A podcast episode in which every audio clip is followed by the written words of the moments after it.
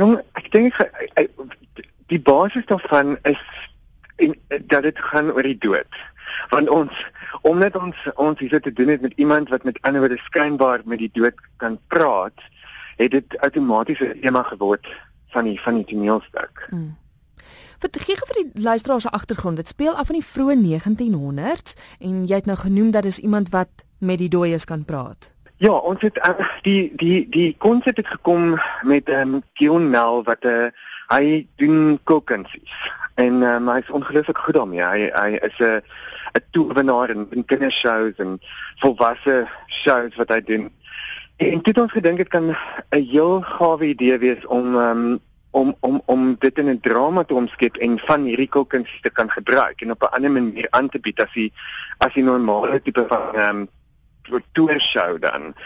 En ehm um, en sit ons sit ons begin werk aan 'n idee en en ons het op 'n boek afgekom van Johannes de Villiers wat gaan oor die geskiedenis van ehm um, sciences in Suid-Afrika en spiritisme. Ehm um, wat geweldig interessant is en jy weet die die geskiedenis in on, ons Afrikanerdom is is is is nogal diep gesetel. En ehm um, en uit dit uit het ons begin om te werk aan die uh, storie met die draai van die eeu en seances en wat 'n mens daarmee kan doen en om om om 'n magiese toneelstuk te kan skep rondom hierdie temas. Want die gehoor of dit kom voor asof hy met die dooies praat, maar eintlik kom mens later agter dat dit nie so is nie. Nou of moet ons nou nie die die die kruks van die storie weggee nie. Ek dink mens moet nie die kruks van die storie weggee nie, maar is 'n golaar. Hmm. Ehm um, so Daniel sê en glo dat hy nie met die dood kan kan praat nie. Ehm um, maar ek wil net nie te veel weggee nie. So dis net hy in die toneelstuk. Is dit 'n eenman vertoning? Dis dis net hy in die toneelstuk. Hoekom sou jy sê moet moet luisteraars dit gaan kyk?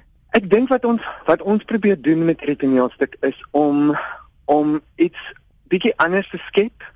Iets wat ehm um, wat nie net drama is nie, maar ook 'n ander tipe van aardigheid en dit is dit is kookkuns.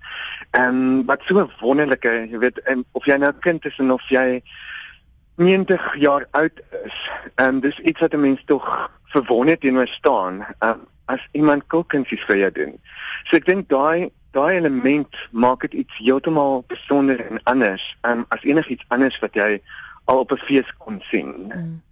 Ek sien daar's nie 'n ouderdomsbeperking by nie. So met ander woorde, kinders kan ook daarna gaan kyk want die skouspel daarvan gaan gaan seker vir hulle wonderlik wees. Kinders kan definitief daarna kyk. Ehm um, ek dink dit is dit hang maar van die ouers af om te besluit of hulle hulle kinders wil blootstel aan iets wat skynbaar ehm um, jy weet iemand is wat hom voordoen en met die dooies raak.